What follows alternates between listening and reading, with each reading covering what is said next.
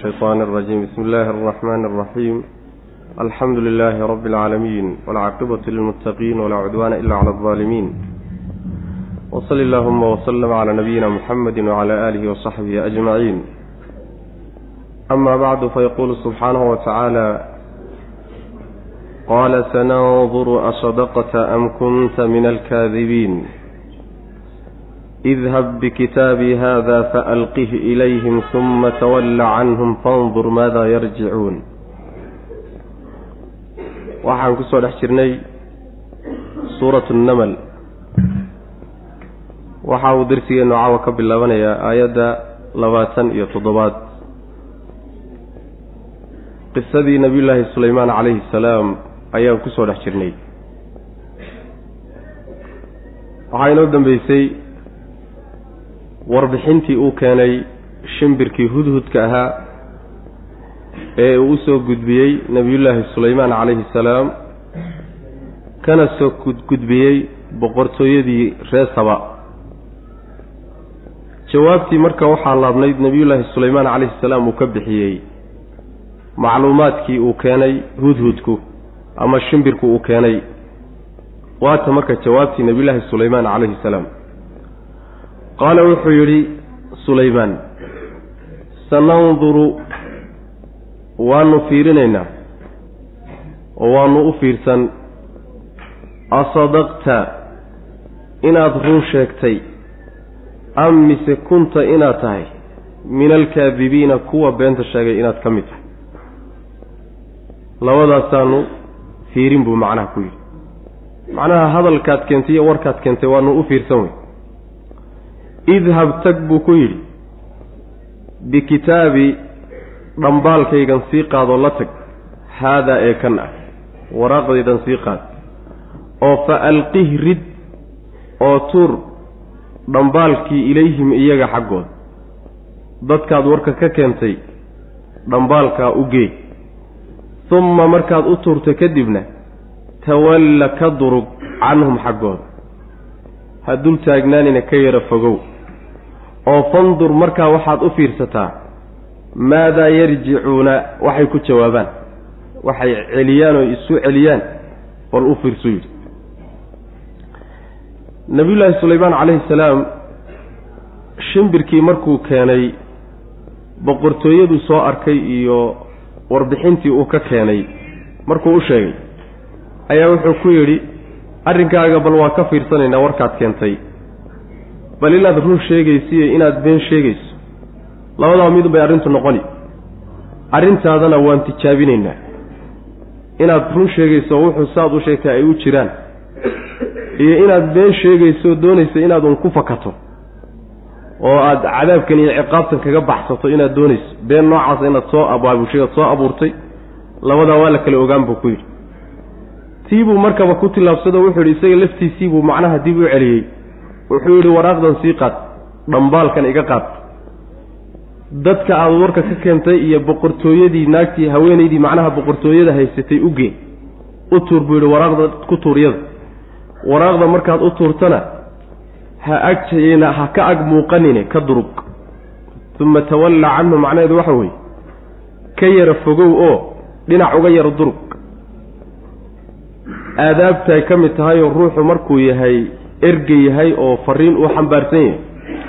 Fariintii markuu keeno dadku waa inay isxog warsadaan oo layswarsado oo inuu dul taagnaada maahe dhinac inuuga durka waay marka aadaabta boqorada dadkay dhambaallada u soo dhiibaan aadaabtooday kutusaysaabay macnaha leeyihiin mufasiriintu.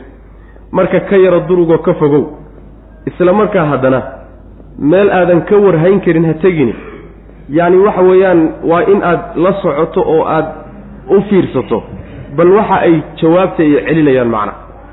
Waxay iyagu isugu jawaabahayaan ay ku sheekaysanayaan dhambaalka ay kaga jawaabayaan bal arrinkaa isaga ana fiiri buu ku yidhi macna. Jawaabtana igu soo celi weye markaa kadib. Qaala wuxu uhi nabiyullaahi sulaymaan calayhi salaam sananduru waanu fiirin doonaa. Asadaqta inaad run sheegtay am mise kunta inaad tahay min alkaadibiina kuwa beenta sheegay inaad ka mid tahay. Labadaasaanu kala fiirin wey macna oo hadalkaagi iyo warkaad keentay baanu u fiirsan. Fiiradii tijaabaa laga wadahay. Tijaabadii buu markiiba galay marka. Idhab tag buu yidhi. Bikitaabi dhambaalkaygan iyo waraaqdaydan sii qaad. Haadaa ee kan ah. Oo fa alqih rid oo tuur. Dhambaalkii iyo kitaabkii ilayhim ayaga u tuur. Nimankaad warka ka keentay waraaqdaa u gebuul oo ku tuur. Uma markaa kadibna tawalla ka yara fogow canhum xaggooda. Tawalladaa lagama wada ka soo laabo. Inaan laga wadinna waxaa ku tusaya jumlada dambeo fandur maadaa yarjicuun. Hadduu sooba laabtaba oo nabiyullaahi sulaymaan dib ugu soo laabto fandur maadaa yarjicuuna lama dhehen. Marka tawalla canhum macnaha tanaxa canhum wey waxoogaa ka yara durug wey. Oo fandur markaa waxaad u fiirsataa maadaa yarjicuuna waxa ay markaa celiyaan waxay iyagu isu celiyaan oo isku isugu jawaabaan oo waraaqda ay kaga jawaabaan markaa u fiirso. Arrinkaa markaa ka warkeen saasuu marka ku yidhi nabiyullahi sulaymaan calayhi salaam. Hudhudkii marka shimbirkii dhambaalkii iyo waraaqdii sii qaatay suu u sii waday buu haweenaydii boqoradda ahayd. Balqiis baa la odhan jiray yuu u geeyey. Waraaqdii markuu u geeyey ayay markaa iyaduna sidan u dhaqantay. Qaabkay u dhaqantay baa laynoo sheegay maxaa yeelay mar haddii ergeygii la diray waraaqna loo sii dhiibay dhexdii wuu tegey oo wuu sii socday oo meeshii buu gaadhay oo waraaqdiibuu ku tuuray oo intaasoo dhinta layska soo gaabiyaa waxaa la yidhi qaalat waxay tidhi haweenaydii markii waraaqdu ay gaadhay hadalkeedii baa marka laynoo soo tabiyey. Qaalat waxay tidhi yaa ayuha almala-u kuwan madaxda ahow ashraaftan isu timiday innii anugu aniga ulqiya waa la soo riday ilaya aniga xaggayga kitaabun kitaab baa la ii soo riday. Kitaabkaasoo kariimun wanaagsan. Yacni dhambaal iyo waraaq wanaagsan yaa iisoo dhacday. Innahu kitaabkaas min sulaymaana sulaymaan buu ka socdaa. Dhambaalkiiyo waraaqdu sulaymaan bay ka timid. Wa innahu kitaabkaas iyo dhambaalkaas bismi illaahi magac ilaahay buu yuu ahaaday. Bismi illaahi araxmaani araxiim buu ahaaday macnaha yacni waa mid lagu bilowday oo mabdu-un weye mid lagu bilowday. Bismi illaahi magaca ilaahay baa lagu bilaabay. Allihii arraxmaani naxariista badnaa naxariista guud lahaa arraxiimi naxariista gaar lahaa. Halkaasuu kitaabku ka bilowdo waa ka waxa kitaabka ku yaalla wey macnaha wa innahu kitaabku bismi illaahi araxmaani araxiim buu ahaaday. Anlaa tacluu haysweynaysiinina calaya dushayda hayska weynaysiinina. Wa'tuunii iina imaada oo iskeena muslimiina idinkoo hoggaansanayaal ah. Saasuu kitaabka ku taalla markii waraaqdu soo gaadhay oo iyadoo boqortooyadeedii dhex fadhida waraaqi u soo dhacday ayay markaa waxay isugu yeedhay dadkii marka dowladda madaxdeeda ahaa iyo madaxweyntii iyo ashraaftii iyo dadkii ummadda u talin jiray ayay markaa isugu yeedhay. Inay markaa laba sii fadhiyeen oo la joogeenna waaba suurtagalba waraaqda loo keenayo dhambaalkiibay markaa ku dul akhrido waxay tidhi waraaq baa la iisoo tuuray oo iisoo dhacday. Waraaqduna waa waraaq wanaagsan. Kariim waxay ugu sifaynaysaa waraaqda. Kariim waxaa la dhahaa baa laleeyahy waraaqdu markay macnaha waxa weeye ay xidhan tahay oo ay tiimbaraysan tahay oon la furin. Ayaa macnaha dhambaalkiiyo waraaqda kariim la yidhahda saasay mufasiriinta selafka qaar ka mida odhanayaan. Qaarna waxay leeyihiin kariim waxay waraaqda ugu tilmaamaysaa markay furtay bay akhriday waxa ku yaalla ayay markaa aada ugu bogtay. Boqorka ay ka timid oo sulaymaan oy ka warhaysayna waa kariim oo way taqaanaa. Marka yacni waxbay isu geygeysay halkaasa marka kala baxday waraaqdu inay kariim tahay macnaa waraaqdaasaa iisoo dhacday oo wargelinta way wargelisay marka. Wixii iyada macnaha u yimid yay la socodsiisay madaxdii dowladda. Waraaqda marka wixii ku yaallay bay u sheegtayoo waraaqdu horta waxay ka timid bay tihi sulaymaan. Boqorkii sula boqorka sulaymaan la yidhaahda yay ka timid. Ayadu marka yaman bay ka talisaa. Nabiyullaahi sulaymaan calayhi salaamna wuxuu markaa joogaa baytilmaqdis buu joogaa. Ardu filistiin. Baytilmaqdis buu markaa joogaa. Waraaqdii bay marka tihi sulaymaan bay waraaqdu ka socotaa. Waana waxa waxa ku yaallana waaka waraaqdu waxay ku bilaabatay bismi illaahi araxmaani araxiim saasay ku bilaabatay yacni magac alle anoo kaalmaysanayaan waraaqda qorayaayoon ku bilaabayaa wey. Allaha labadaa tilmaamood iska leh waraaqda magaca alle markay ku bilaabatay waxaaba ku taallaba kelimo gaaban. Oo maxay tahay? Ha iska kay weynaysiininoo ha iskibrinine. Idinkoo hoggaansan oo isdhiibay imaadda. Intaasaaba ku taallaba. Bismi illaahi araxmaani araxiim anlaa tacluu calaya wa'tuunii muslimiin. Waaba ka baxayba waraaqda intaasaaba ku saxiixan. Boqorradii hore saasay ahaan jireenoo kelimo gaaban oo iyadaba laba jumlo saddex jumlo ka kooban oo ujeeddadiiyo qasadkana gudanaysa ayay isu diri jireen. Intaasuu u soo diray macnaha nabiyullaahi sulaymaan calayhi salaam. Marka idinkoo hoggaansan oo kibir iyo weynan uusan idinku jirin iyo qabtoona ii imaadoo iskeena saasuu ku yidhi nabiyullaahi sulaymaan calayhi salaam. Qaalat waxay tidhi haweenaydii yaa ayuha almala-u kuwan madaxda ahow innii aniga ulqiya waa la riday ilaya xaggayga kitaabun qoraal baa la ii soo riday iyo dhambaal kariimun oo wanaagsan. Innahu qoraalkaasi min sulaymaana sulaymaan xaggiisuu ka yimid. Wa innahu dhambaalku bismi illaahi ayuu ahaadee magac alle allihii arraxmaani naxariista guud lahaa alraxiimi naxariista gaar lahaa taasaa lagu bilaabay. Anlaa tacluu bianlaa tacluu buu ahaaday ha isla weynaanina calaya dushayda ha iskala weynaanina. Aniga ha iska kay weynaysiinina iyo inaad hoos timaadaan oo ii timaadaan wa'tuunii ii imaada muslimiina idinkoo hoggaansanayaal ah. Idinkoo hoggaansanoo isa soo dhiibay ii imaada hana isweynaysiinunoo qabkiiyo isla weynanka iska ilaaliya. Saasuu qoraalkaasuu u diray macna. Intaasi marka waa waraaqda wixii ku yaallayoy siisay warbixin ku siisay. Taladii baa marka la isweydiinayaa maxaan ka yeellaa arrintanaa soo dhacdaye maxaan ka yeellaa. Dadkiiba marka tala tala weydiinaysaa. Qaalad waxay tidhi yaa ayuhalmala-u kuwan madaxda iyo ashraafta ahow aftuunii ii tilmaamoo ii ishaara fii amrii arrinkaygan dhexdiisa bal iiga jawaaboo igala taliya. Maa kuntu ma ihi bay tidhi qaaticatan mid goosanaysa amran talo mid goosanaysa ma ihi. Xataa tashhaduunii ilaa aada ila joogtaan ilaa aada goobjoog noqotaan ood ka tala bixisaan tala iskama goosanahaye bal arrinkan ha laga taliyati qaaluu waxay yidhahdeen naxnu annagu uluu quwatin xoog kuwa u saaxiibaanu nahay. Wa uluu ba'sin dagaal kuwa u saaxiibaanu nahay. Dagaalkaasoo shadiidin daran. Dagaalyahamiin baanu nahay way macna. Awoodiyo xoogna waa haynaa wal amru arrinkiiyo taladiyo go'aankuna ilayki aduu kula jira haweenaya ee fandurii fiiri maadaa ta'muriina waxaad amrayso. Waxaadna amri lahayd. Arrinkaa uun ka fiirso amarna soo saar wey macna. Talada taladanadu waa taas. Sidaasay ku yidhahdeen. Macnaha haweenaydu haweenay waxoogaa caqli labay ahayd way caqli badnayd. Markii arrintu ku soo dhacday ile waa arrin culus oo go'aan ka go'aan qaadashadeedu natiijo culus ay la imaan karto sidaa daraaddeed maynan markiiba ku fududaanin ka go'aan qaadashadeedee dadkii taladu ka go'day ka go'day ee ahlulxalli walcaqdigeeda ahaa ayay markiiba talagelisay.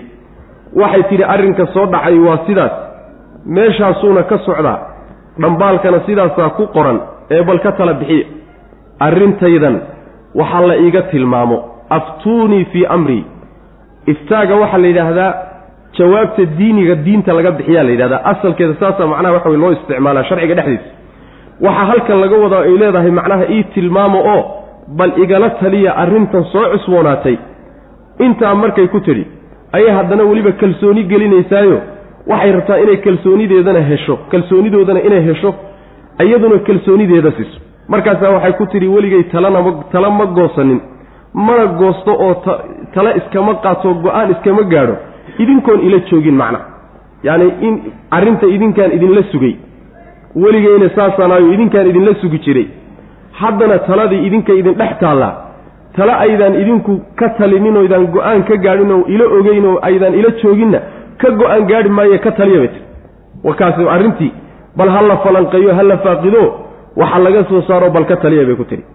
Taladoodii tanay noqotay marka tanay noqoto waxay waxay yidhahdeen waxoogaa maynan marka hadal mutaxan oo saa yeel amaynan ku odhanin waxoogaa madaxda iyo boqorada iyo dadka macnaha waxa weeye talada leh markay tale ku weydiiyaan saas iyo saas yeel ma aha warkaagu.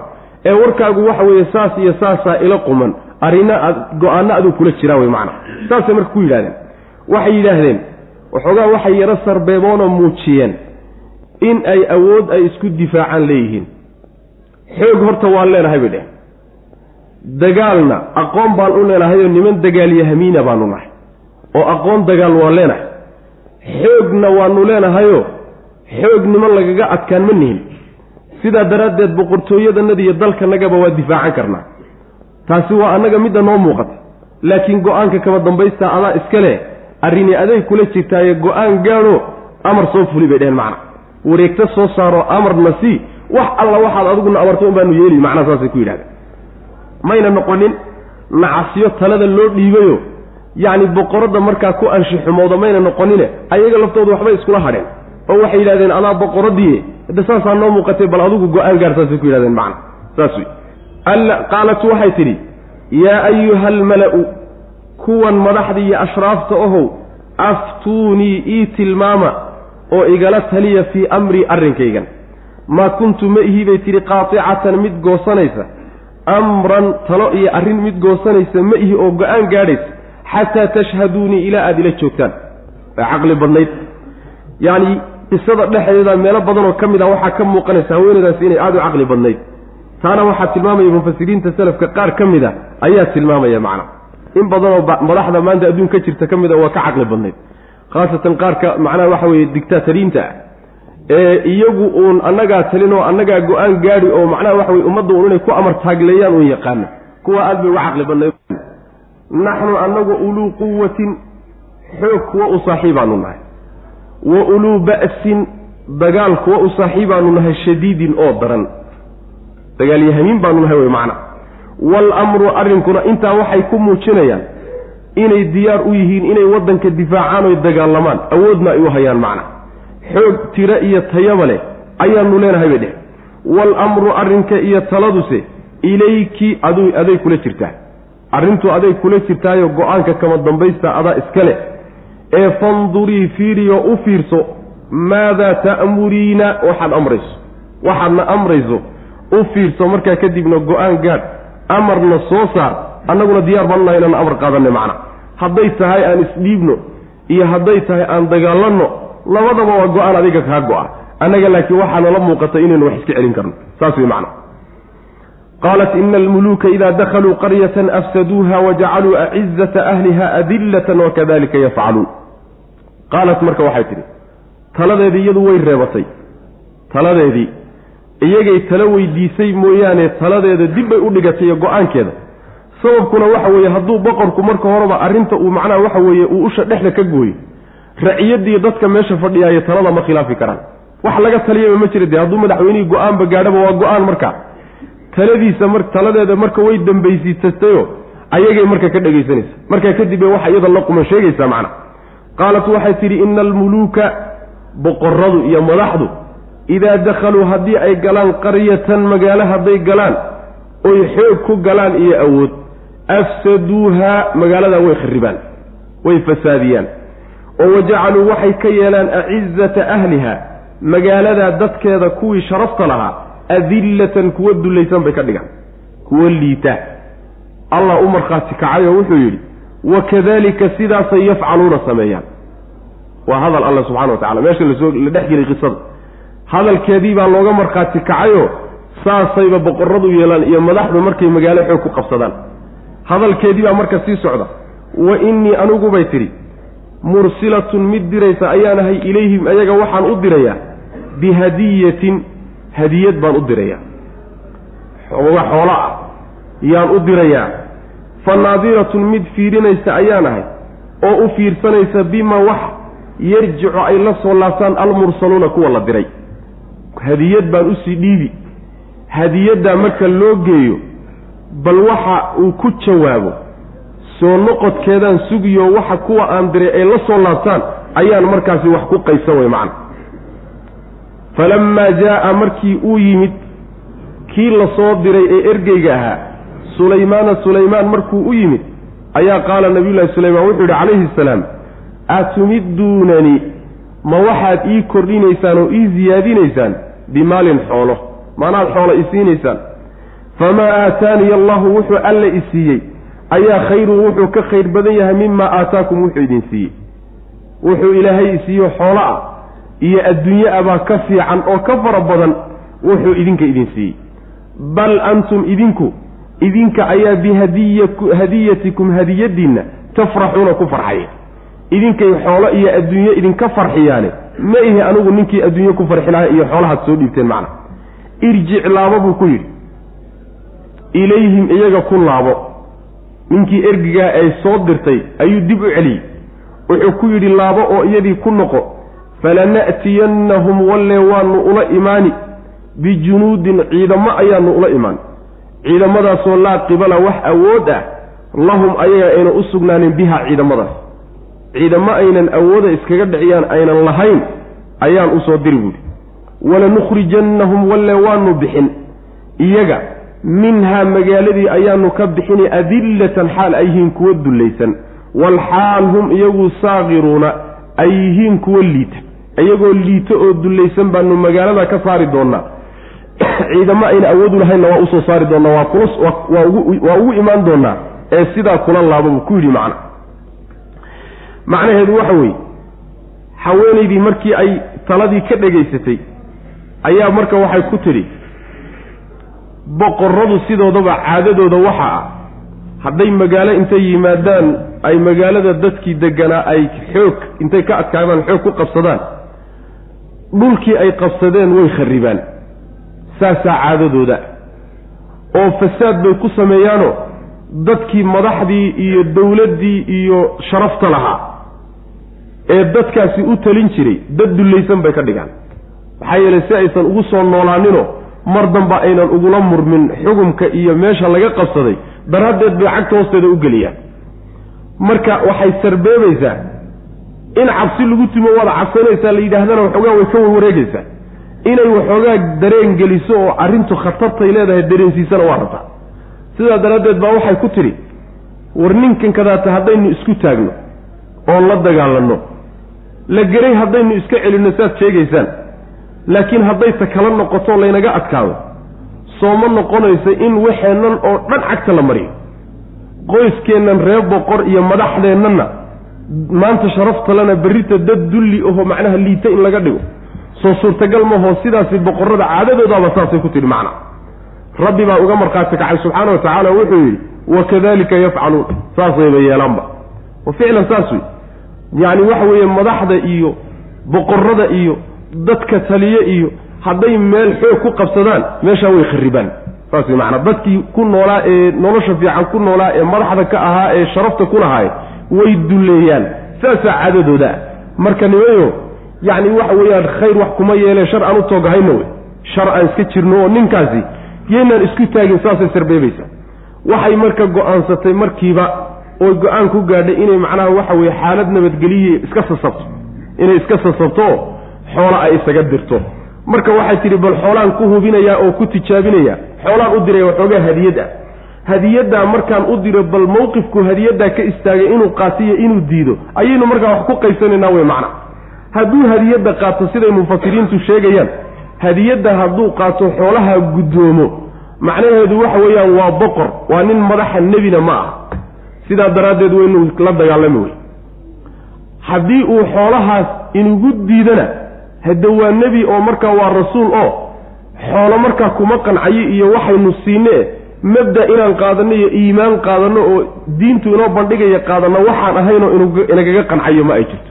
Sidaa daraaddeed bal horta aan tijaabinna wuxuu yahay macna.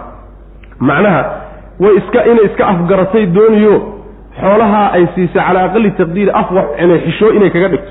Af wax cunay xishoo hadduu macnaha hadiyaddaa qaato gar uu markaa ugu soo duulo oo dhib ku gaadhsiiye ma jiro. Xaalad nabadgelyaa markaa muuqata wey macna. Markaa bal waan ku tijaabin. Nabiyullaahi sulaymaan calayhi salaam ninkii ergeyga ahaayee hadiyadda xambaarsanaa markuu u yimid ayuu marka wuxuu yidhi ma xoolaad aniga ii kordhinaysaan. Ma anaabaad maanta xoole ii kordhinaysaan oo ila damacdeen inaad xoole i siisaan. Wuxuu ilaahay i siiyey ayaa wuxuu ka fiican oo ka khayr badan wuxuu idin siiyey. Hadday adduunyo noqotona boqortooyada aniga gacantayda ku jirta iyo hoos timaadaa ka ballaado waxaad haysataan. Iyo waxaanaad soo dhiibteen. Hadday yacni waxa weeye adduun ayna noqoninna waxa ilaahay isiiyey oo nebinimo iyo cilmi iyo diin ah ayaa waxay ka fiican tahay waxoogaaga aada soo dhiibteen macna. Marka nin wax loo yacni xoolo lagu sasabo ama xoolo lagu qanciyo ama xoolo loo soo dhiibiyey hadiyad ku farxa ma ihi. Idinkaa hadiyadiiniyo xoolihiinna ku farxa buu ku yidhi macna. Laaba buu ku yidhi. Oo ku noqo iyaga waxaadna u sheegtaa ciidan aynan awooday iskaga celiyaan aynan lahayn inaan ugu imaan doono. Hadday macnaha waxa way iskeeni waayaan. Iyaga oo dullaysan oo liitana inaanu dalkooda ka saari doonno warkaa iiga gey buu ku yidhi oo laabo macna.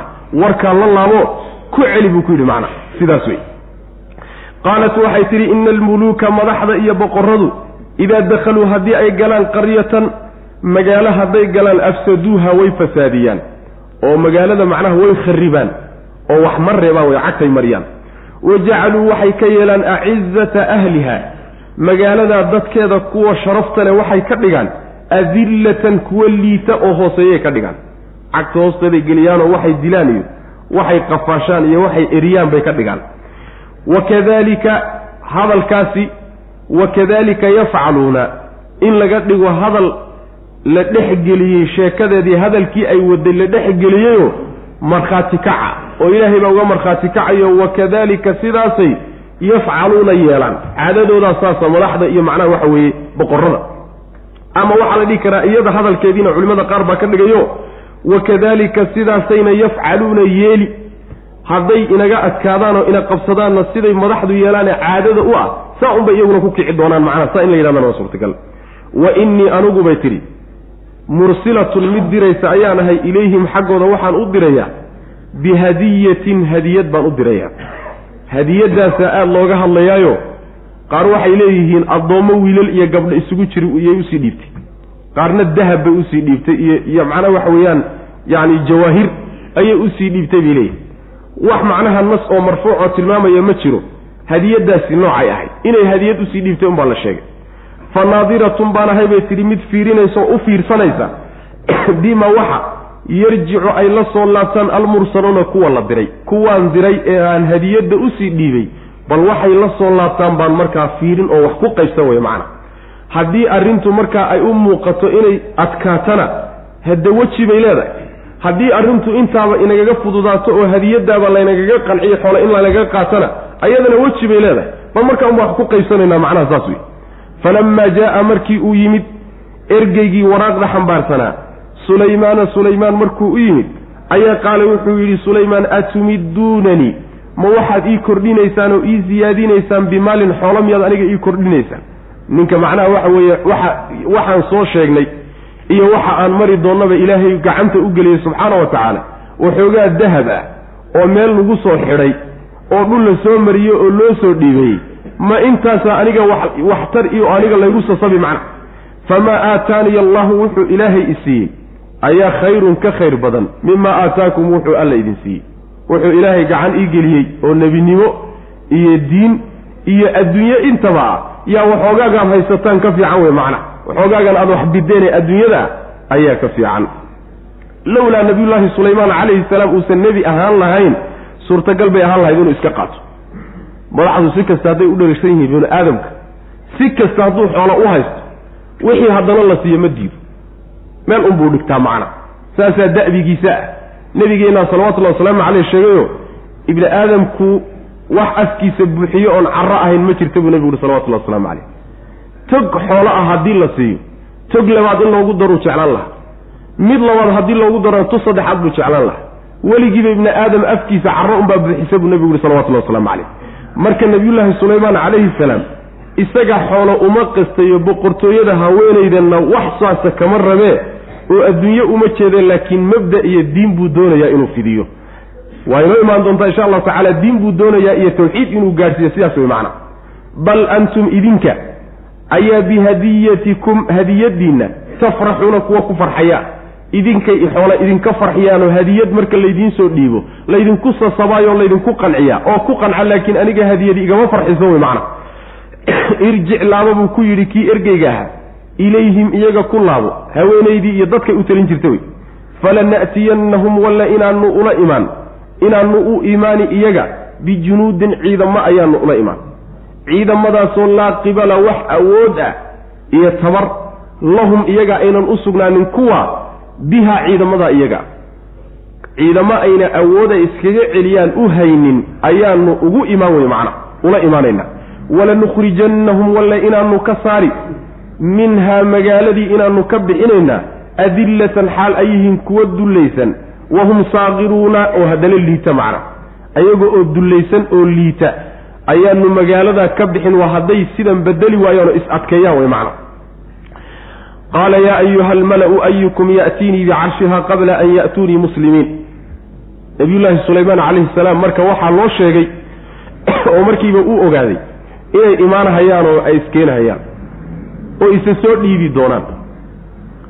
Wuxuu markaa uu doonayaa intaynan u imaanin oo aynan boqortooyadiisa iyo meesha taliskiisa aysan imaanin. Boqor wixii ay boqoradda ku ahayd iyo sariirteedii ay ka timid ay ku talin jirtay intuu soo qaado inay meeshanba iyadoo taallo ugu timaado saasuu nabiyullaahi sulaymaan calayhi salaam uu doonaya. Qaala markaasaa wuxuu yidhi yaa ayuha almala-u kuwan ashraafta ahu waa kuwii isaga macnaha la jooga wey. Ayukum kiineebaa ya'tiinii ii keenaya?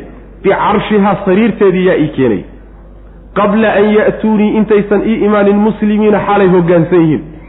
Ayagoo isdhiibay intaysan ii imaanin waa kuma ninka ii keeni kara sariirteedii. Ay kaga timid macnaha boqortooyadeedii iyo gurigii taliska ay kaga timid.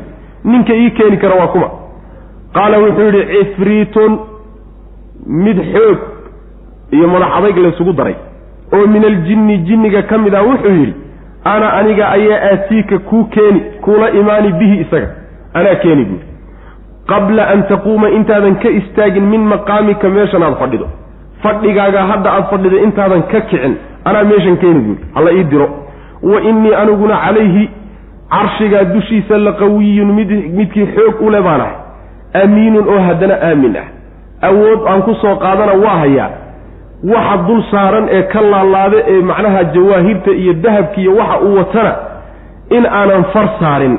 Aamin baan ahay oo macnaha u dhowaan maayo macna. Labadaa tilmaamoodba waa lee. Sidaasuu markay. Qaala wuxuu yidhi marka alladii midka cindahu agtiisa cilmun uu cilmigu yahay.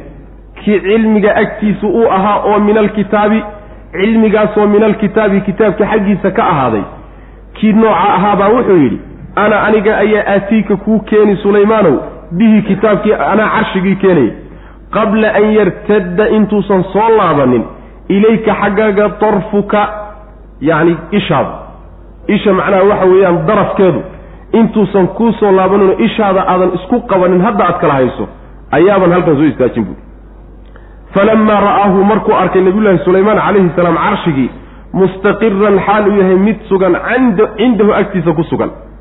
Hadduuba macnaha waxa weeye isha kala qaadaba markiiba carshigiibaaba agtiisa yaalla.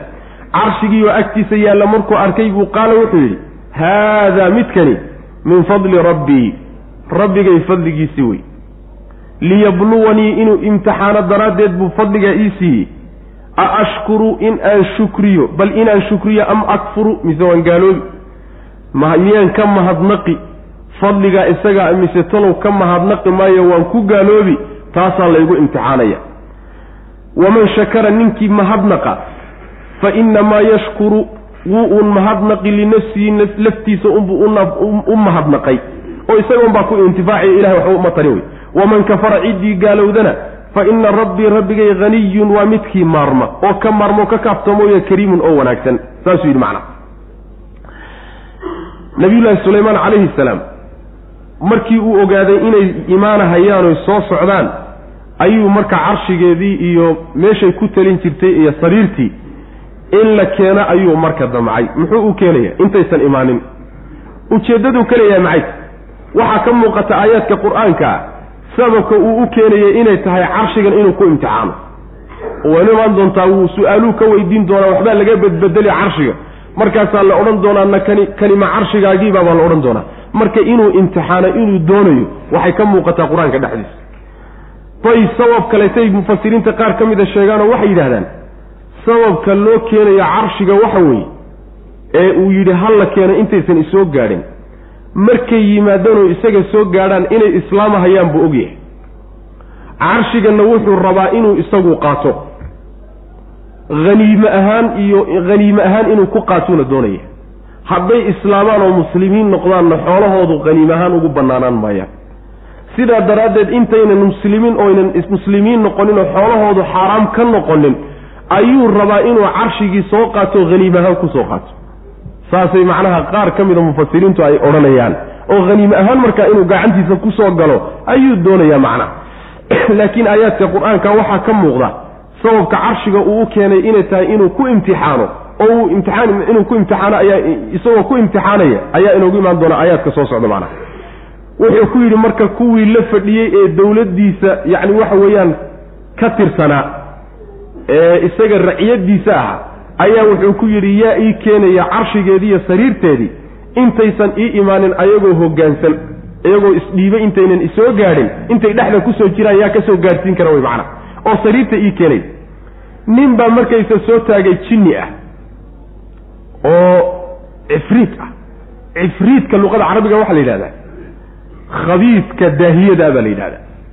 Maarid khabiis daahiya intaba la ysugu daraa waa mid adag oo madax adag oo haddana xun oo haddana caqli badan oo balaayo maleeg badan. Tilmaamaha noocaasoo kale a ruuxa le baa cifriid la yidhahda waa ruuxa soomaalidu jin ama keleed u taqaano jinka ruuxa la yidhahdo wey macanaa jin bay dhahaan. Ruuxa macnaha waxa weeyaan makriga iyo khadaacada badan ee caqliga badan. Haddana wax yacni waxa weeyaan xidhidda badan ayaa macnaha cifriidka la yidhahda marka mid madax adag oo adayg iyo xoog laysugu daray oo jinka ka mid ah markaasa soo taagay. Markaasaa wuxuu yidhi anaa keenaya intaadan ishaba isku qaban ilbiriqsi baan ku keeni wey macana ilbiriqsi ayaan may wuxuu yidhi intaadan meeshaadan ka kicin.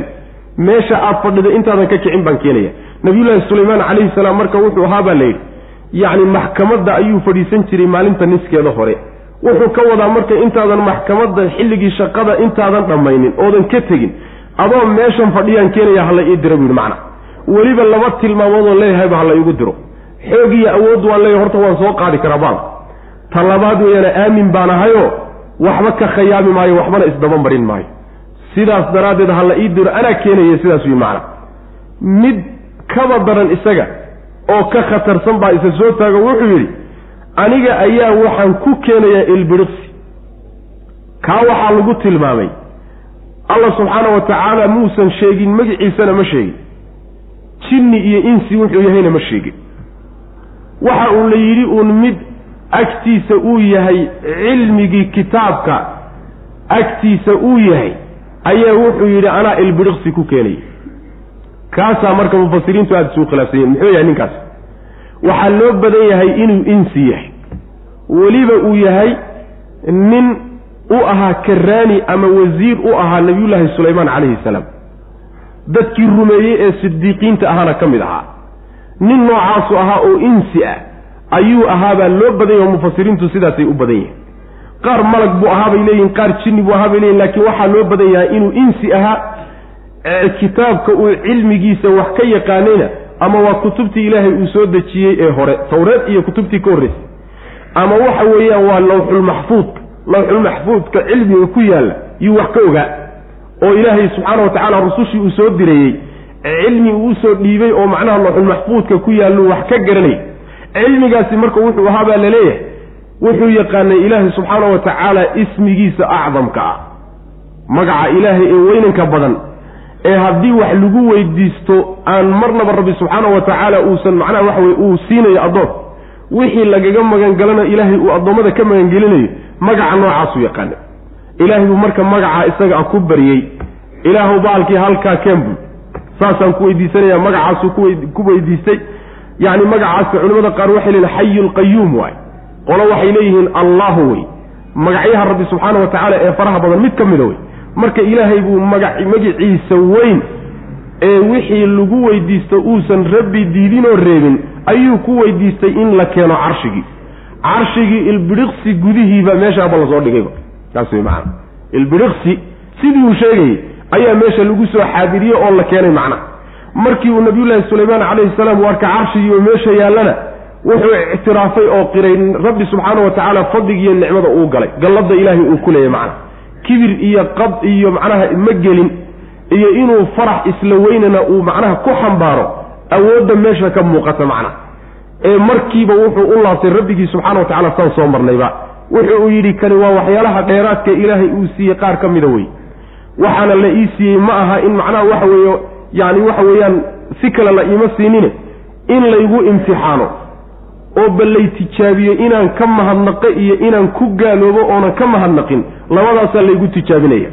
Ninkii ka mahadnaqo wixii ilaahay uu galay ee gallad ana ilaahay waxba muusan ku tarin e isagaa lafihiisa u mahadnaqay wey macana fa inamaa yashkuru linafsihi isaga unbaa wax isu taraya ilahay waxba uma tarin subxaana wa tacala ninkii gaaloobo oo rabbi subxaana wa tacaala wuxuu siiyey ka mahad celin waayana rabbi waa ka maarmaa oo uma baahna kariim weeyaanoo rabbi waa fiican yahay subxaana wa tacaala waa wanaagsan yahay. Haddii addoommadu mahadiyaan iyo haddayna mahadininba rabbi subxaana wa tacaala waa kariim weye macna. Sidaas wey qaala wuxuu yidhi nabiyullaahi sulaymaan calayhi salaam yaa ayuha almala-u war kuwan madaxda ahow ayukum kini kiineeba ya'tiinii ii keenaya bicarshiha. Carshigeeda yaa ii keenaya sariirteedii yaa ii keenaya. Qabla an ya'tuunii intaysan ii imaanin. Muslimiina xaalay hogaansanayaal yihiin iyagoo hoggaansan intaynan ii imaanin yaa carshigeeda ii keeni kara. Qaala wuxuu yidhi cifriitun mid yacni xoog iyo adayg laysugu daray oo min aljinni jinniga ka mid ah wuxuu yidhi ana aniga ayaa aatiika cifriitun ay maaridun buu leeyahy mujaahid. Yacni mid adag oo xoog iyo laysugu daray awood iyo adayg intaba ayaa wuxuu yidhi oo min aljinni jinniga ka mid ah wuxuu yidhi ana aniga ayaa aatiika kuu keeni bihi carshigii anaa kuu keenay qabla an taquuma intaadan ka istaagin min maqaamika fadhigaaga intaadan ka istaagin. Maqaamka fadhi baa laga wadaa. Min majlisika fadhigaagan intaadan ka istaagin aada hadda fadhido ayaan keeni buuri wa innii aniguna calayhi dushiisa laqawiyun midkii xoog u le baan ahay amiinun oo haddana aamin ah. Aamin baan ahay oo waxba isdaba marin maayo. Xoog aan ku soo qaadana waa hayaa wey macna. Qaala aladii qaala wuxuu yidhi alladii midka alladii midkii wuxuu yidhi cindahu agtiisa uu ahaa cilmun cilmi cilmigaasoo min garasho iyo aqoon oo min alkitaabi kitaabka xaggiisa ka ahaaday.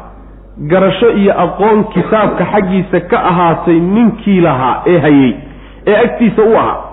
Kitaabku marka waa lawxulmaxfuudka culuumta ku taalla qaar ka mida kii ogaa ama meehe kutubtuu ilaahay soo dejiyey cilmigeeda kii wax ka ogaa ayaa wuxuu yidhi oo insiga ah macnaa kii insiga aha waaya macnaha sida loo badanya ayaa wuxuu yidhi ana aniga ayaa aatiika kuu keeni bihi carshigii anaa keenaya qabla an yartadda intuusan soo laabanin ilayka xaggaaga intuusan kuu soo laabanin darfuka isha baalkeedu intuusan soo laabanin baalkaagu intuusan isha ku soo laabanin oo aadan isha isku qabanin ayaaban keenayin macnaa ilbiriqsi unbaa laga wadaa macnaa ilbiriqsi baan ku keenaya ama qabla an yartadda intuusan soo laabanin ilayka adiga darfuka yacni shayga aada fiirinayso fiiradaadu intaysan kuu soo laabanin.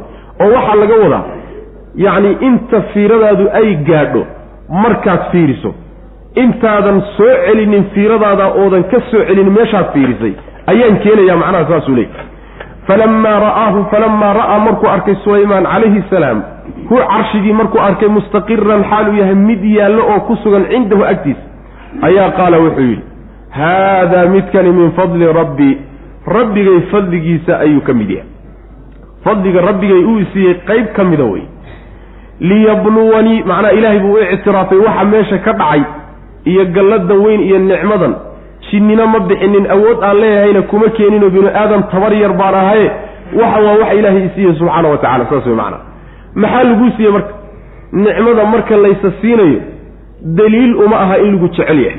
Daliil uma aha in lagu jecel yahay. Laakiin daliil maxay u tahay in lagu imtixaanayo sidaa daraaddeed buu wuxuu yihi waxaa la ii siiyo fadligan la ii siiyey. Liyabluwanii inuu imtixaano daraaddeed alle. A ashkuru ma shukriyayaa am akfuru mise waan gaaloobaya? Macni macnaha gaaloobiddaa dambe waxaa laga wadaa nicmadii oo laga mahadnaqi waayo. Ma ka mahadnaqayaa mise ka mahadnaqi maayo? Taas in lay tijaabiyo oo laygu imtixaano daraaddeed buu ilaahay fadligan iyo dheeraadkan ii siiyey macna. Yaa layta madaxdu hadday intaa garan lahaayeen wax badan baa hagaagi lahaa. Waxa gacanta laysu gelinayo ee laysu dhiibayo in lagu kibro oo lagu qooqaayo ma ahee rabbi subxaana wa tacaala addoommada wuxuu ugu dhiibayaa inuu ku imtixaano macna. Markii ilaahay marka fadli kuu siyaadiyaba oo xoolo kuu siyaadiya ama xoog kuu siyaadiyo ama boqortooye iyo maamul kuu dhiibo waa inaad mar walba isa sii liiddo aada aqoonsato inaad imtixaan weyn iyo tijaabo weyn aad ku jirto macna. Ood ku dadaasho sidaad imtixaankan uga bixi laakiin kibir iyo caqli xumo iyo qooq haddii uu kugu dhashiyo isla weynan waa halaagaaga yani bilowgiisii wey macana markaad halaagsan mahayd wey waman shakara ciddii shukridaana. Ilaahay muxuu addoommada u imtixaanaya oo shukriga uga rabaa? Miyuu u baahan yahay? Maya. Ayaga dantoodi iyo maslaxadooda loo imtixaanaya. Aash waman shakara ciddii shukridana. Oo ilaahay nicmada uu galaya gallada ka mahad celisa fa inamaa yashkuru wuu un shukrini linafsihi. Naftiisa iyo lafihiisa unbuu u shukriyeyo isaga unbaa wax ka heli wey ilahay waxba uma tarin subxaana wa tacala waman kafara ciddii gaalowda oo nicmada iyo waxa loo galay ku gaalowdaoo ka mahadnaqi weydaay fa ina rabbii rabbigay haniyun waa kii maarmo oo wuu ka kaaftoomaa oo uma baahna. Kariimun midkii wanaagsan weeye rabbi subxaana wa tacaala. Oo hadduu u mahad celiya hadduusan u mahad celininba addoommada rabbi subxaana wa tacaala mahadcelintooda karaamo iyo sharaf iyo wanaag kuma siyaasado wey macna. Kariim buu sidiisa rabbi ugu tilmaamaya subxana wa tacala qaala nakiruu laha carshaha nandur atahtadii am takuuna min aladiina laa yahtaduun haweenaydii marka waa timid. Boqoradii iyadoo socotay sulaymaan u timid. Carshigeediina waaba ka soo horreeyo waa la keenay. Imtixaan baa marka la gelinaya.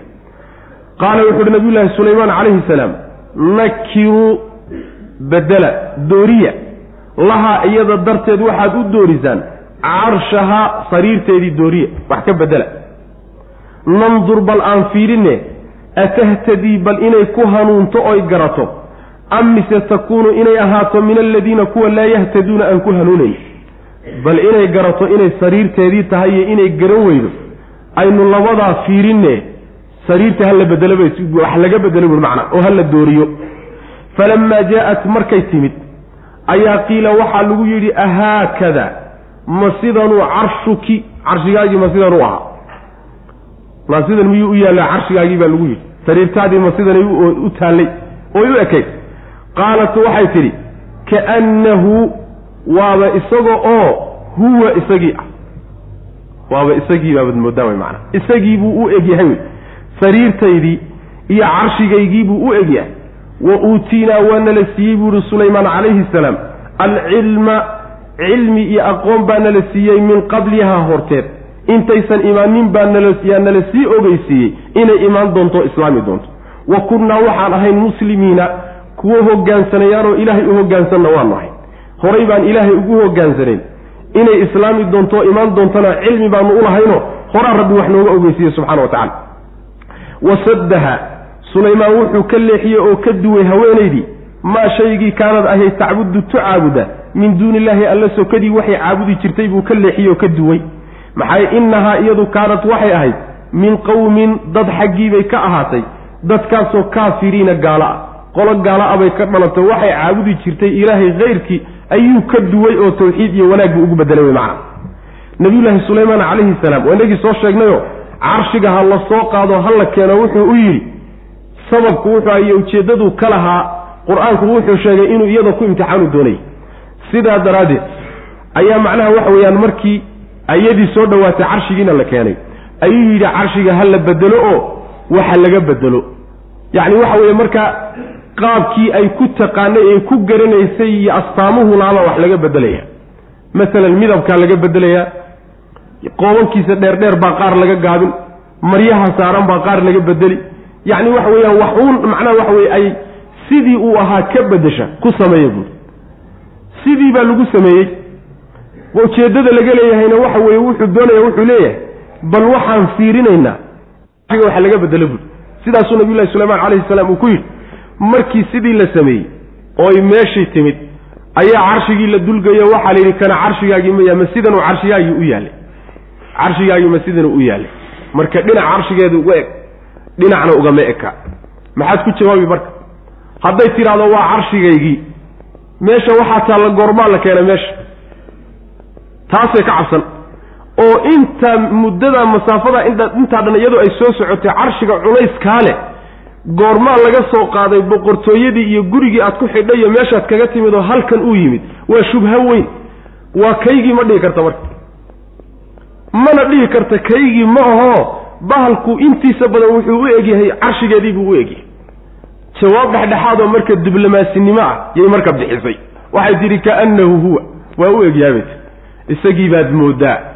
Waa jawaab marka dhexdhexaad oo mana diidin oo ma aha ma dhihin wuu yahayna mayna dhihin saasay marka kaga baxday. Waxay leeyihiin mufasiriinta qaar ka mid a nabiyullaahi sulaymaan calayhi salaam caqligeeduu tijaabinayay. Oo caqligeedaa wax looga sheegayo naagtu caqligeedu inuusan dhammaystirmayn oo kala dhiman tahay baa la soo gaadhsiiyey. Wuu tijaabinahayay baa marka la leeyahy tijaabo labaadna wuu gelin doonaa iyadana oo soo socota insha allahu tacala marka waxay tidhi isagii buu u egyahay nabiyullaahi sulaymaan calayhi salaam marka wuxuu yidhi horaan u ogeynoo cilmigeeda naloo siiyey inay imaan doonto oo ay soo hoggaansami doonaan. Muslimiin baan ahayn oo ilaahay u hoggaansamay subxaana wa tacala wixii ay caabudi jirtay ee ilaahay kayrkii ahayen soo marnay oo maxay caabudi jirtay? Qoraxday caabudi jirtay qoraxdii iyo cibaadadeedii intuu ka duwo oo ka leexiyey ayuu tawxiid ugu bedelay gaalo dad gaalo abay markii hore ka timid oy ka dhalatay oo gaalay dadkeedu ahaayeen. Markaasuu gaalnimadii intuu ka duway buu muslimad ka dhigayoo tawxiidka fahansiiyey sidaasaa la leeyahy macna. Qaala wuxu uhi nabiyullaahi sulaymaan calayhi salaam nakiruu bedela lahaa iyada darteed waxaad u beddeshaan. Yacni nakiruu dooriye wey oo wax ka bedela oo wax ku siyaadiya oo wax ka dhima oo midabka ka bedela oo maryaha ka bedela saasoo kaleta wey macana nakiruu laha iyada darteed waxaad u doorisaan carshahaa sariirteeda. Nandur bal aan fiirine atahtadii bal inay ku hanuunto garashadiisa?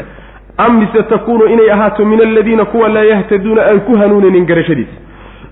Falamaa jaa-at markay timid ayaa qiila waxaa la yidhi ahaakadaa ma sidanu carshuki carshigaagii ma sidan u ahaa qaalat waxay tidhi kaannahu waaba isaga oo huwa isagii ah. Kani wuxuu u egyahay isagii. Isagii baabaad mooddaa wey macna. Isagii baad mooddaa laakiin ma hubo oo waa isagii ma dhihi karo waa se u egyahay wey macna. Wa uutiinaa waana la siiyey buu ihi nabiyullaahi sulaymaan calayhi salaam. Alcilma aqoon iyo garashaana la siiyey min qablihaa iyada horteed. Inay imaan doonto iyo waxaan horaan ula sii soconay wey macna. Oo xagga ilaahay baa looga sheegay wa kunnaa waxaan aan ahayn muslimiina kuwa hoggaansamay oo ilaahay isu dhiibo muslimiin baan ahayn. Wasaddaha wuxuu ka leexiyey oo ka duway maa shaygii kaanad ahayd tacbudu mid caabuda min duuni illaahi alla sokadi wixii xumaantay caabudi jirtay buu ka leexiyey oo ka duway. Innahaa iyadu kaanat waxay ahayd min qowmin dad bay ka ahaatay. Min qowmin dad bay ka mid ahayd kaafiriina oo gaala. Dad gaala a bay ka timidoo oo ay asalkeedii ka soo jeedaan wey macna. Qiila waxaa lagu yidhi lahaa iyada udkhulii gal baa la yidhi asarxa daartan gal baa la yidhi. Falamaa ra'atuu markay markay aragtay daartii markay aragtay oo gashay bay xasibatu waxay u malaysay lujatan biyo mool ay u malaysay. Biyo macnaha mawjad ah mawjad biyo ah bay mooday. Wa kashafat markaasaa waxay fayday can saaqayha dhudhumadeeday marka faydatay si ay biyaha marada uga xanjeerato uga laabato qaala markaasaa wuxuu ku yidhi nabiyullaahi sulaymaan calayhi salaam innahu midkani sarxun na waa daar buu ku yidhi mumaradun oo la sibsibay sibsib laga dhigay min qawaariira oo quruurad ah qarsho ah yacni waxa weeye waa daar qarsho oo quraarad ahe meesha biyo ma socdaan wey macna qaalat waxay tidhi rabbi rabbigayow innii anigu dalamtu waan dulmiyey nafsii naftayda ayaan dulmiyey markaa wax kula wadaajin jiray wa aslamtu waanan hoggaansamay maca sulaymaana sulaymaan la jirankiisa ayaan hoggaansamayoo lilaahi alla ayaan u hoggaansamay allihii rabbi alcaalamiina uunka rabbigii ahaa haweenaydii halkaasi ku islaamtay. Macnaheedu waxa weye nabiyullaahi sulaymaan calayhi salaam markay soo socotay buu ji yacni waxa weeye muhandisiintiisii guryaha dhisi jiray baa wuxuu faray in guri la dhiso. Guri aad u dheero fooq ah gurigaasi marka waa dhalo wey. Waxa uu ka dhisan yahay dhalo dhalaha ka dhisnaadee hoostiisa biyaa durduraya. Dhalada marka meesha lagu istaagahayo ee guriga macnaha waxa weye qeybtiisa hoose ah ayay biyuhu ka hooseeyaan. Dhalaana biyaha ka koraysa. Ruuxaan garanaynin marka biyaha markuu meesha doonayay inuu galo wuxuu moodayaa inay macnaha waxa weeye biyahan ka hooseeya hoostiisa qulqulaya inay lugtu gaadhi doonto. Waa la soo qaaday haweenaydii daartii baa la soo geliyey. Markay kadinkii soo gaadhay yay maraha marada faydfaydatoo marada laabatay. Si macnaha waxa weeye ay biyaha marada uga ilaashato. Markaasaa la yidhi meesha daar weeyaano mura quraarad iyo macnaa dhalaa ka sokaysa. Waxaanaad arkaysaa macnaha waxa weye lugtaadu ma gaadhayse marada iska daysaa lagu yidhi macna awood baa marka la tusaya. Haweenaydii inla boqorad bay ahayd oo boqortooye aad u ballaadhanoo baaxadle bay ku fadhiday. Sidaa daraaddeed awooddeedii iyo boqortooyadeedii wax ka weyn inuu jiro ayaa macnaha loo muujinaya dhoolla tus wey macna wax ka weyn oo yacni boqortayadeedii ka awood weyn inay jirtaan la tusaya macna. Waa la macnaha marka waa waa iyadii dhannaydba waa la rogay oo yacni waxa weeyaan adduunyadii iyo wixii ay ku mashquulsanayd iyo boqortooyadii iyo wax halmaaniya halmaani macnaha waxa wey halmaansiye ayaa markaa la tusay. Markay maradii faydata baa waxaa la yidhi waa daar la sibsibay. Mumaradka waxaa la yidhahdaa daarta marka inta gacanta la mariyo sibsibka laga dhigo oo waxba aysan qabanaynin baa mumaradka la yidhahda macna daartaasina waxay ka samaysan tahay dhalay ka samaysan tahay wey macana dhaar iyadoo dhan wada muraayada daar iyadoo dhan kor iyo hoosba wada muraayadooda hoosteedana biyo qulqulayaan wey macana boqortooyada ilaahi subxaana wa tacaala iyo awoodda nabiyullaahi sulaymaan uu siiyey ayay wax ka tilmaamaysaa. Markaasay islaamtay oo waxay tidhi ilaahuw naftaydaan dulmiyey markaan gaasha ahaa. Waanan hoggaansamay sulaymaan la jirankiisa ilaahay baan u hoggaansamay allihii uunkanoo dhan rabbigii ahaa ayaan u hoggaansamay tihi meeshay marka ku islaantay qiila waxaa la yidhi laha haweenaydii waxaa lagu yidhi udkhulii gal asarxa daarta gal. Taasi waa macnaha inooga muuqda oo awoodda boqortooyada nabiyullaahi sulaymaan calayhi salaam in la tuso ayaa meeshan loo gelinayaa oo daarta loo gelinayaa oo waxaa loo tusayaa waa sida daahirka inoo muuqata wey. Mufasiriinta qaar ka mid a ayaa waxay leeyihiin haweenaydu nabiyullaahi sulaymaan calayhi salaam wuxuu rabay inuu guursado. Lugaheedaa marka wax looga sheegay oo nimankii jinka ee warka soo tabin jiray yaa waxaa la yidhi haweenaydu lugahay ceeb ku leedahay oo luga dameer oo kaley leedahay. Taasoo kale ugu yidhahdeen sidaa daraaddeed biyahan iyo qorshahan iyo waxan waxaa loo dejiyey in macnaha waxa weye biyaha markay dul marayso ruuxa markuu biyaha dul socdo muraayad ahaan bay biyuhu macnaha u soo celinayaan jidhkiisii iyo qaabku ahaa oo dhan. Marka meesha in laga daalacdo lugaheediiyo say u yaallaan daraaddeed buu u sameeyey bay leeyihiin macna waa sheeke iska israa'iiliyaado. Kutubta reer bani israa'iil unbaa laga keenay. Kutubta reer bani israa'iil waxa ku yaallana lamana rumayn karo lamana beenin karo.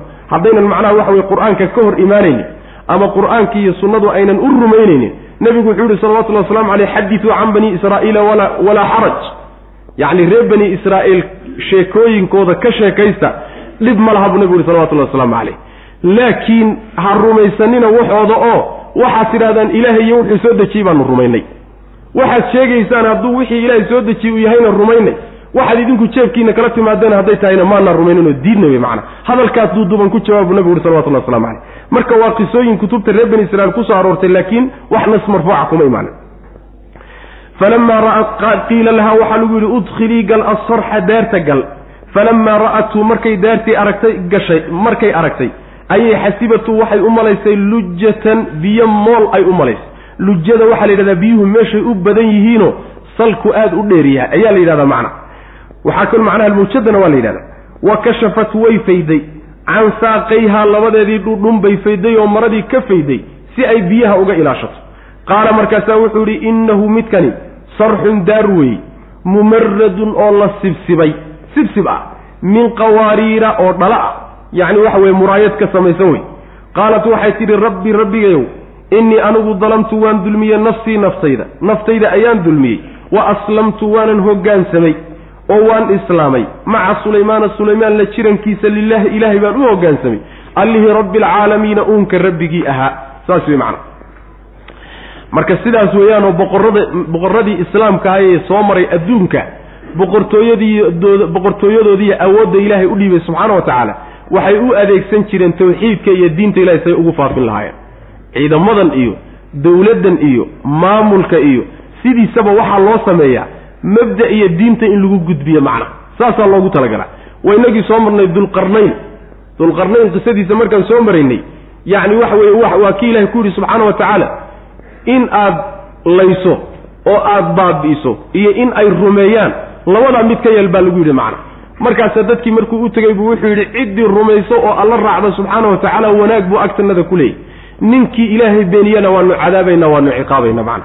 Sidaasay marka boqorada iyo madaxda muslimiinta saasaa lagu yaqaanaayo madaxnimada iyo awoodda waxay u adeegsadaan diinta sidii loo fidin lahayo macnaha tawxiidka dadka loo gaarsiin laha saas wey macana ilan dowladdu waa wasiilo oo mabda'a fidintiisay wasiilo u tahay walaqad arsalnaa ilaa tamuuda akhaahum saalixa an icbudu llaha faidaa hum fariiqaani yakhtasimuun halkaasaa waxaa lagu soo gebagabeeyey qisadii nabiyullaahi sulaymaan calayhi salaam ee cajabta badnayd. Hudhudkii qisadiisii iyo warku keenay ayaa intaasoo dhan inala gaadhay. Boqortooyadii ree yamaneed ee saba inay islaamtay oo ay diintii nabiyullahi sulaymaan qaadatay halkaasaa marka lagu soo gebagabeeyey oo nabiyullahi sulaymaan calayhi salaam uu sabab u noqday. Halkan waxaa laga gudagelayaa marka qisadii nimankii la odhan jiray reer samuud walaqad arsalnaa xaqiiqe waxaan dirnay. Ilaa samuuda reer samuud waxaan u dirnay akhaahum walaalkood saalixan ee saalix ahaa an icbudullaha ay ucbudullaha baan la dirnay caabuda. Allaha alle caabuda. Fa idaa markiiba hum iyagu fariiqaani laba kooxood wey oo yakhtasimuuna doodaya qaala wuxuu yidhi nabiyullaahi saalix calayhi salaam yaa qawmi tolkayow lima maxay baad tastacjiluuna u degdegsanaysaan bisayi'ati xumaanta qabla alxasanati ta wanaagsan horteed maxaad midda wanaagsan aada u dibdhigaysaanoo ta xun aada u codsanaysaan oo noo soo dadeji aad u leedihin. Lowlaa tastakfiruuna maad dembi dhaaf weydiisataan allaha alle lacallakum turxamuuna si laydinku naxariisto. Ree samud baa la galo walaalkood saalix baa loo diray. Markii loo dirayna mabda'a loo sii dhiibay wuxuu ahaa ilaahay keligii caabuda oo waxyaalaha kaleed caabudaysaan joojiya markuu u tegayna laba kooxood bay u kala baxeen doodaysoo ishaysataa labada kooxood ay ishaysataay waa kuwaynu ku soo marnay fii suurati alacrab wa qaala almala'u aladiina istakbaruu min qowmihi liladiina istudcifuu liman aamana minhum ataclamuuna ana saalixan mursalun min rabbihi? Qaluu ina bima ursila bihi mu'minuun. Qaala aladiina istakbaruu ina biladii aamantum bihi kaafiruun. Labadaa qolo qolay u kala baxeen. Qolo kibir iyo isla weynan u galayoo nebiga mabdu uu la yimid ka hor yimid iyo qolo rumeeyey oo raacay. Labadii qolaa markiiba looltan iyo dood iyo dagaal baa markiiba dhex maray wey macana saas wey markaasaa wuxuu ku yihi nabiyulahi nabiyullahi saalix calayhi salaam war maxaad tii xuma midda xun maxaad u codsanaysaan oo noo soo dadeji? u leedihin taasi waxay ahayd.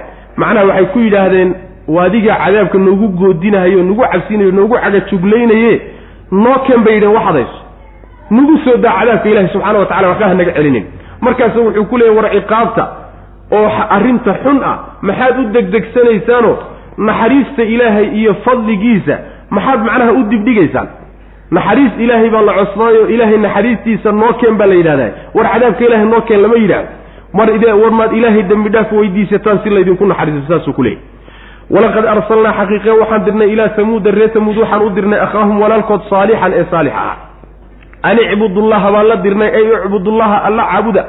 Fa idaa markaaba hum iyagu fariiqaani laba kooxood wey yakhtasimuuna oo dooday ishaysta qaala marka wuxuu yidhi yaa qawmi tolkayow lima maxaybaad tastacjiluuna u degdegsi dalbaysaan? Oo in laydiin soo dedejiyo aada u codsanaysaan? Bisayi'ati midda xun oo cadaabka ilaahay ah. Qabla alxasanati midda wanaagsan horteed oo naxariista ilaahay ah lowlaa tastakfiruuna maad dembi dhaaf weydiisataan allaha alle lacallakum turxamuuna si laydinku naxariisto war ilaahay oo noo dembi dhaaf maad tidhahdaan cadaabka ilaahay nagu soo daaya oo ha naloo keeno intaad leedihiin waxaaba idinka fudud inaad tidhaahdaan ilaahay ou noo naxariisee oo noo dembi dhaafay maad ilahay dembi dhaaf weydiisataan qaaluu waxay yidhahdeen oo ku jawaabeen atayarnaa waanu ku baasaysannay bika adiga iyo wa biman cidda macaka la jirankaaga. Qaala wuxuu yidhi taa'irukum baaskiinnu cinda allahi ilaahay agtiisa buu ahaaday. Bal inuu baas xaggayga jiro wax jira meehe antum idinku qowmun baatiin tuftanuuna oo la imtixaanayo. Wa kaana waxaa ahaa marka fi lmadiinati magaalada dhexeeda waxaa ahaa tiscatu rahtin sagaal koox sagaal ah koox sagaal ah oo yufsiduuna fasaadiya fi lardi dhulka fasaadiye oo walaa yuslixuuna aan hagaajinin. Sagaal ruuxoo macnaha waxa weeyaan fasaad mooyaane weligood wanaagba aan ka telinin ayaa magaalada joogay. Qaaluu marka waxay yidhahdeen sagaalkoodii taqaasamuu aan isu dhaaranno. Billaahi ilaahay aan isugu dhaaranno lanubayitannahu in aan mirayno. Isaga iyo wa ahlahu reerkiisaba saalix iyo reerkiisaba inaan mirayno aynu isu dhaaranno. Uma markaa kadibna lanaquulanna inaan odhanayno liwaliyihi weli liwaliyihi dadkii mas'uuliyaddiisiiyo xilkiisiiyo haye ee la dhashay dadkii macnaha weliyihi qaraabadiisa laga wadaa. Uma lanaquulanna waan odhanaynaa liwaliyihi qaraabadiisa waxaan ku odhanaynaa maa shahidnaa maanaan xaadirin mahlika ahlihi reerkiisii meeshu reerkiisu meeshuu ku baaba'ay iyo baabi'iisa maanaan joogin wa innaa anagu la saadiquuna kuwa run sheegayaanu nahay. Saasaynu dhihi bay yidhahdeen macna. Macnaheedu waxa weeye markuu mabdi'i xaqaa u keenay nabiyullaahi saalix calayhi salaam nimankii reer tamuud waxay yidhaahdeen saalixow waanu ku baasaysanaynaa adiga iyo inta kula socotaba. Baasaysiga macnaha waxaa la yidhahdaa yacni waa mabda ay carabtu lahaan jireenoo ama ummadihii horeba lahaan jireen in badanoo ka mida ummado badanoo ummadaha maanta jira ka midana ay leeyihiin.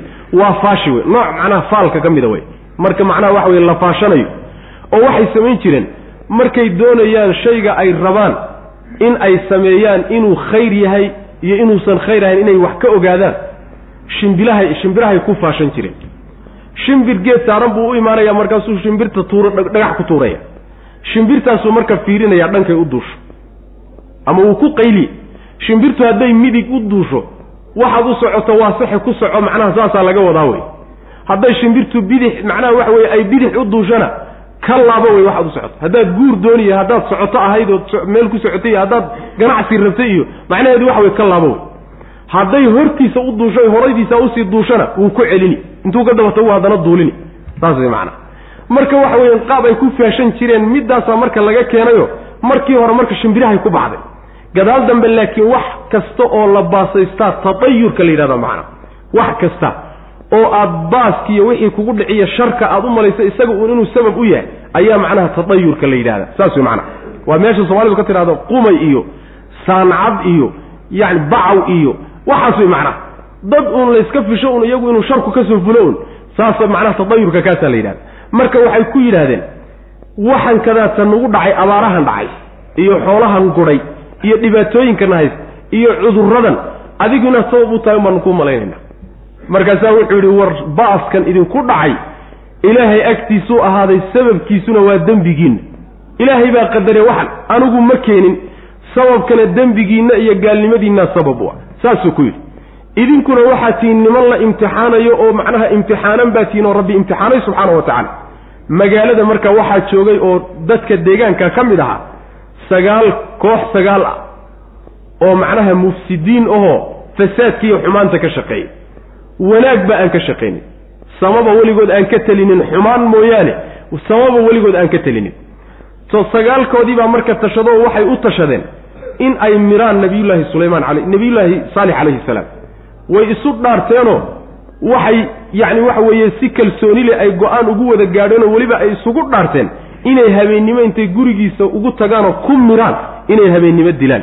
Isaga keliya weliba inaysan ku gaabsanine isagii reerkiisaba inays raaciyaan hadhow markii laysqabsado oo la yidhaahdo waryaa dilay oo reerkiisii iyo qoyskuu ka dhashay ay soo istaagaanna waynu dafiri. Oo waxaynu dhahaynaa isagu meeshuu ku baaba'ay ee lagu dilay iyo reerkiisu meeshay ku baaba'een toona mana aanaan joogin warna maanaan ka haynin. Waabaynu dafiriba. Run baana sheegaynaa baan weliba dhahaynaa macna saasaan dhahaynaayo dhiiggiisana waan dafiraynaa. Markaa meel loo raacdaba hala waayo. Sagaalkoodii baa markaa arrinkaa isagaa isku waafaqay. Dhaarna markaa isu marayoo isu dhaartay.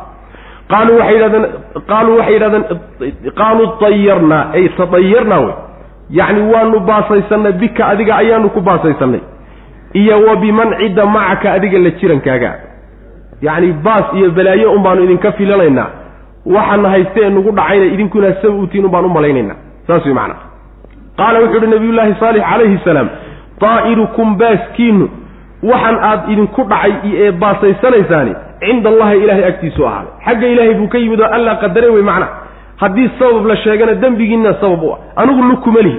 Bal antum idinka ayaa qowmun dad baa tihin tuftanuuna oo la fitnaynayo la imtixaanaya ayaa tihin wa kaana waxaa ahaa fi lmadiinati magaalada dhexdeeda waxaa ahaa tiscatu rahtin koox sagaal ah oo yufsiduuna fasaadiya fi lardi dhulka fasaadiya oo walaa yuslixuuna aan hagaajinin waa madaxda wey raggi macnaha waxaa jira magaalada sideedaba dadku waa kale shar badan yihiin sida iyagoo dadka qaarkood ay macnaha sharka wadaagaan ayay haddana sii kale shar badan yihiin toddoba marka shiriiriin ahoo inkaari ku dhacday ayaa sagaal baan ujeeda sagaal shiriiriina ayaa jiray.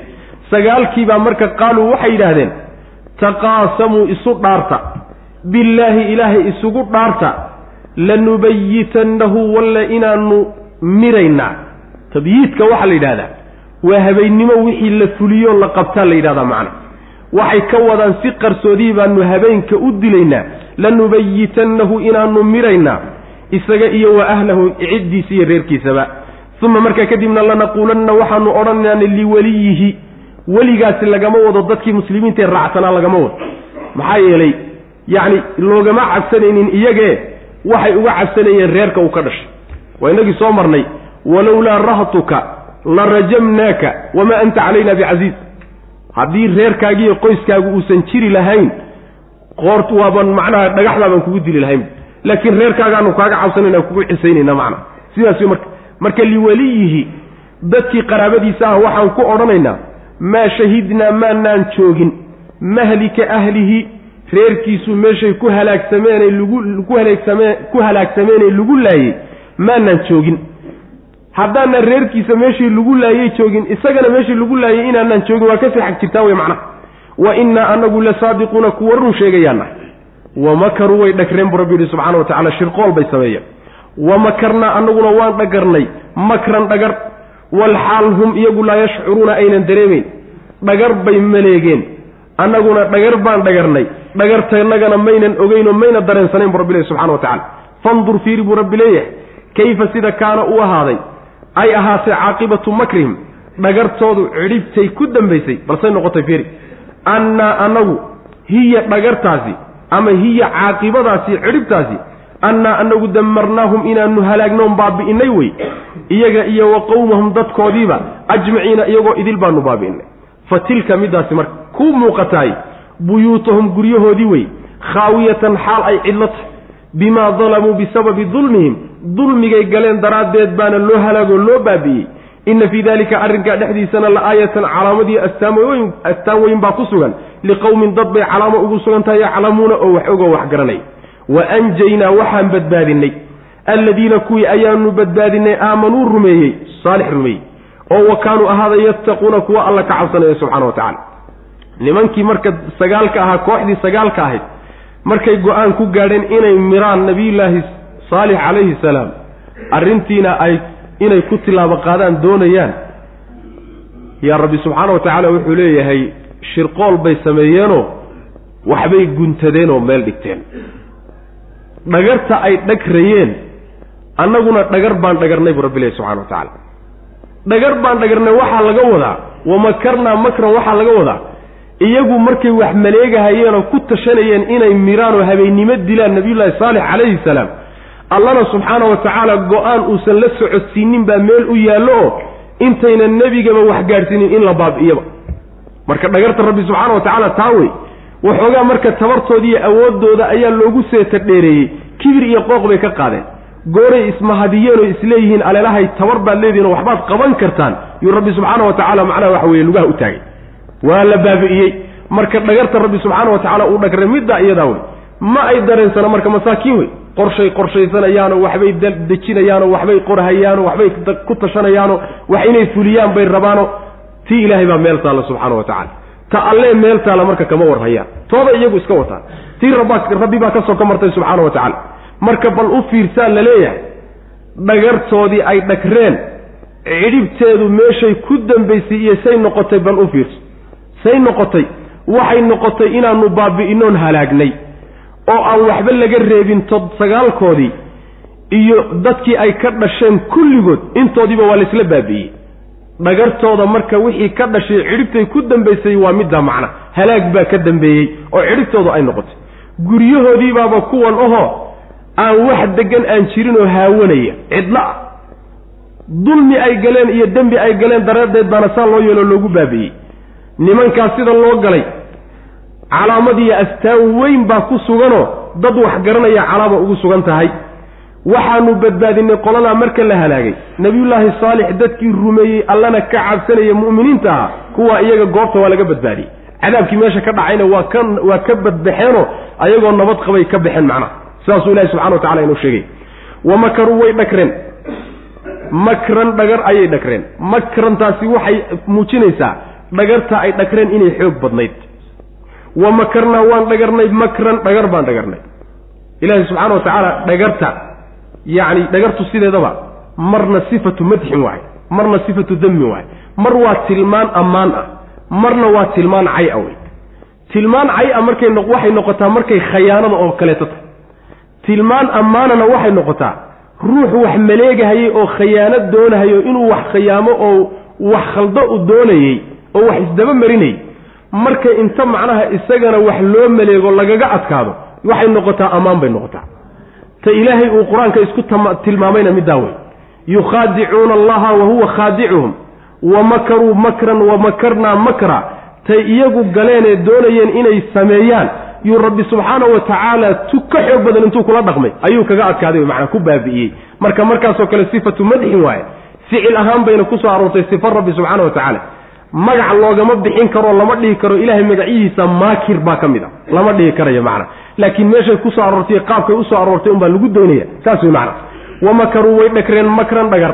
Wamakarnaa waan dhagarnay makran dhagar. Walxaal hum iyagu laa yashcuruuna ayna dareensanayn oo aynan garanaynin dhagarta rabbi subxana wa tacaala. Fandur fiiri kayfa sida kaana u ahaaday. Caaqibatu makrim ay ahaatay. Caaqibatu makrim dhagartooda cidhibteedu siday ahaatay. Say ku dambaysay wey anna anagu hiya iyadu caaqibadii baa la sii fasiraya. Hiya caaqibadii waxay noqotay anna anagu damarnaahum inaanu halaagnoon baabi'inay. Iyaga iyo wa qowmahum tolkoodba ajmaciina xalay idil yihiin. Waa laysla rogay sagaalkoodii iyo dadkay ka dhasheenba laysla baabi'iyey fa tilka midaasi marka buyuutuhum guryahoodii wey khaawiyatan xaal ay cidlo tahay oo cidina ayna joogin oo dadkeedii la baabi'iyey bimaa dalamuu bisababi dulmihim dembigay galeen iyo dulmigay galeen daraaddeed baana loo baabi'iyey oo guryahoodii la cidloobeen iyo deegaankoodii. Inna fii daalika arrinkaa dhexdiisa waxaa ku sugan la aayatan calaamad iyo astaan weyn oo qudrada ilaahay ku tusaysa iyo siduu cadowgiisa uga argoos awliyadiisana ugu gargaaro. Liqowmin dad bay ugu sugan tahay yaclamuuna oo wax garanay wa anjaynaa waxaan badbaadinay. Alladiina kuwii ayaanu badbaadinay aamanuu rumeeyey nabiyullaahi saalix. Alla rumeeyey iyo nebiga oo wa kaanuu ahaaday yattaquuna kuwa alla ka cabsanayay qolyaha waan badbaadinay buu rabbi ilahi subxana wa tacaala hada wabillahi tawfiiq sala allahuma waslama cala nabiyina muxamedi wcala alihi wasaxbi waslem